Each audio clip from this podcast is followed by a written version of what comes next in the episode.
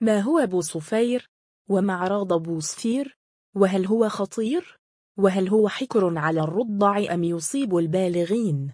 إليك هذا المقال لكي تتعرف فيه عن كل ما يتعلق بهذا المرض وأسبابه وارتباطه بأمراض الكبد الخطيرة أسباب مرض بوصفير بوصفير أو ما يسمى بالصفرة أو اليرقان أو أبو صفار وهو بالإنجليزية jaundice هو عرض في حد ذاته وليس مرض فهو يحدث بسبب ارتفاع مستوى البيوليروبين بلاروب بالدم وتسمى أيضا مادة يرقان وهي صبغة صفراء تنتج من تحلل الكريات الحمراء بالدم ويتخلص الكبد منها من خلال العصارة الصفراوية bile وتمر بالقناة المرارية لتخرج خارج الجسم. وهناك أمراض عدة قد تؤثر على الكبد أو تسبب انسداد القناة المرارية bile duct مما يؤدي إلى صعوبة التخلص من البيليروبين وتراكمه ويسمى في هذه الحالة هيبربيليروبينيميا hyperbilirubinemia.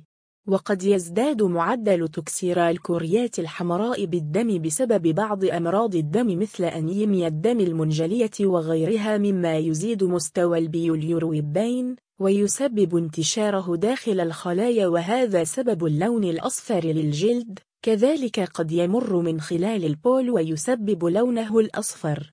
بالإضافة إلى أنه غير مقتصر على فئة عمرية معينة فهو يصيب الأطفال والبالغين بالإضافة إلى الرضع.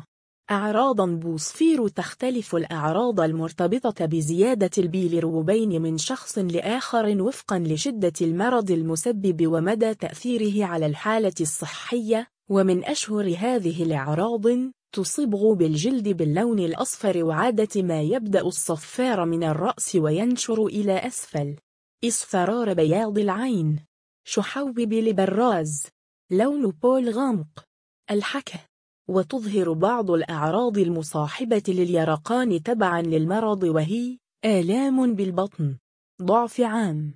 حمى وقشعرير قأ وغثيان. فقدان الوزن.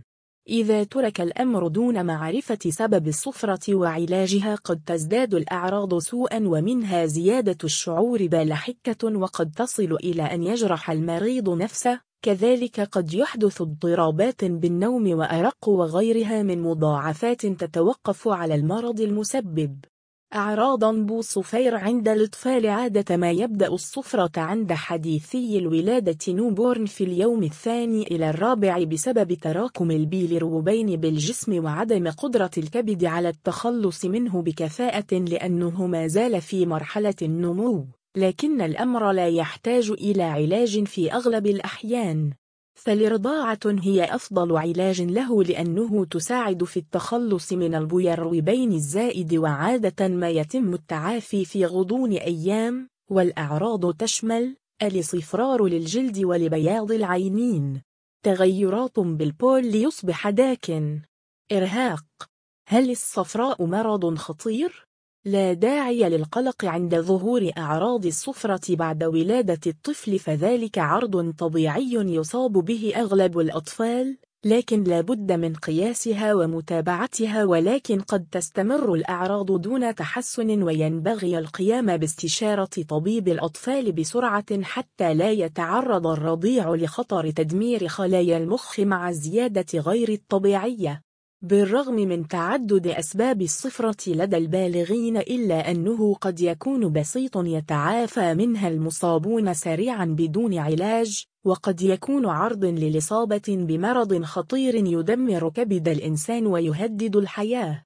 مضاعفات الصفرة قد تنتهي الإصابة ببوصفير في خلال أسابيع وقد تكون بداية لبعض المضاعفات الناجمة من أمراض خطيرة وتتمثل في فقر الدم. النزيف. تسمم الدم sepsis.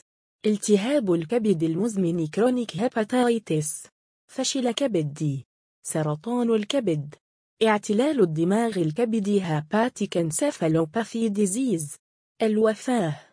أعراض أبو صفير الكبد هناك عوامل عديدة تؤثر على ظهور أعراض الصفار الكبد مصحوبة بأعراض أخرى وحدوث عدوى للكبد ببعض الأمراض التي تشمل فيروس كبدي وبائي باء hepatitis B يحدث التهابا للكبد الناتج من الإصابة بفيروس باء وهو من الأمراض المعدية التي ينتقل عن طريق الدم المحمل بالفيروس حيث ترتفع معدلات الإصابة بين الفريق الطبي أثناء العمليات الجراحية وتنتقل العدوى باستخدام الأبر الملوثة عند تعاطي المخدرات أو خلال ممارسة الجنس مع مصاب وأشهر أعراضه الصفرة وآلام العضلات والمفاصل والشعور بالتعب والإرهاق وقد تعاني بعض حالات الكبداباء المضاعفات الخطيرة إذا ترك دون علاج وتتضمن تليفات الكبد. الفشل الكبدي الإصابة بسرطان الكبد. ومتوفر اللقاح الذي يساعد على الحماية من هذا النوع من العدوى الفيروسية خاصة للفريق الصحي. فيروس كبدي وباء ألف همزة فيروسي إذا تعرض الكبد للإصابة بفيروس ألف همزة فإنه يسبب الالتهاب الحاد بأنسج خلاياه لكنه ليس خطيرا. بالإضافة إلى أنه من أكثر أنواع الفيروسات الكبدية انتشاراً فقد تتسبب تناول أطعمة أو المياه الملوثة في حدوث الإصابة وتبدأ أعراضه بالغثيان والقيء وآلام بالجسم وفقد الشهية وتتطور هذه الأعراض بعد أسبوع من التعرض للفيروس وعلى سبيل المثال تغير لون البشرة والبول إلى اللون الأصفر. الشعور بحكه تضخم الكبد. الكبد الفيروسي سي virus C وجد أن ما يقرب من 70% من مرض الكبد الفيروسي سي لا يعانين أي أعراض لكن قد تظهر بعض الأعراض التي تشبه أعراض الصفرة التي تم ذكرها من قبل. الفيروس الكبد الوبائي دال virus D فيروس كبدي دال virus D هو نوع مشابه للكبد باء ويسبب نفس الأعراض وينتقل بالعدوى السريعة من خلال إفرازات الجسم. الكبد وباء هاء فيروس كبدي إيها فيروس من الفيروسات الكبدية التي تسبب التهاب الكبد وتسبب بعض الأعراض المماثلة لفيروس باء التي تم ذكرها وعادة ما ينتهي خلال أسابيع قليلة ونادرا ما تسبب فشل كبدي. تليفات الكبد الكحول تناول كميات كبيرة من الكحوليات يصيب الكبد مع الوقت بالتهاب وتليفات. وتظهر بعض الأعراض التي تختلف تبعا لدرجة التليف وتشمل سهولة حدوث نزيف الهذيان الصفرة الغثيان والقياء تورم للبطن. الحصوات المرارية جولستون تتكون الحصوات المرارية أو المرارة نتيجة لزيادة تركيز الصفراوي بايل أو البيلروبيين أو الكوليسترول داخل الكبد وعادة لا يظهر أعراض إلا عندما تسد الحصوة قناة المرارة وهنا تظهر بعض العلامات التي تتضمن ألم بالجانب الأيمن للبطن الغثيان والقيء الإسهال الصفرة. تليف الكبد liver cirrhosis هناك أعراض حادة تدل على إصابة الكبد بعدوى أدت لتليفه وتختلف تلك الأعراض تبعا لمستوى التليف وتظهر في الآتي الإسهال. سهولة ظهور الكدمات أو حدوث النزف وذلك بسبب وجود طفح جلدي بلون بنفسجي مائل للون الأحمر ويكون على شكل لطخات وبقع مما يدل على وجود نزف في الجلد. تورم البطن خسارة الوزن ظهور الأوعية الدموية بشكل عنكبوتي تحت الجلد الإصفرار للجلد وبياض العين تغيرات بالبول ليصبح لونه داكن سرطان الكبد liver cancer سرطان الكبد من أخبث الأمراض التي تصيب الكبد ويتلف معظم خلاياها بسبب التهاب الكبد بشكل مزمن ويعاني مرضاه من بعض الأعراض مثل آلام بالبطن خاصة بالجانب الأيمن. شحوب بال براز أعراض الصفرة التي تم ذكرها من قبل. علاج بوصفير بالأعشاب يتواجد بعض الأعشاب الطبيعية التي تعزز المناعة وتساعد في تقليل أعراض الصفرة بجانب الاستخدام المنتظم للعلاج الذي يصفه الأطباء. وأمثلة هذه الأعشاب الزنجبيل من أفضل مضادات الأكسدة التي تحسن الوظائف الكبدية.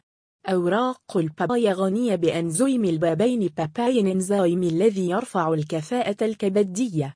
عصير العنب الأخضر يساعد على ضبط مستويات البيوليروبين بالدم. عصير قصب السكر له فائدة كبيرة في استعادة الكبد لحيويته والتخلص من بوصفير. يأتي الثوم كأقوى مضاد للأكسدة مما يزيد قدرة الكبد في التخلص من السموم. الليمون يقلل من نسداد قناة المرارة فهو مضاد للأكسدة لذا يحمي الكبد من التليف. أوراق التولسي تلسي التي تحمي الكبد من العدوى.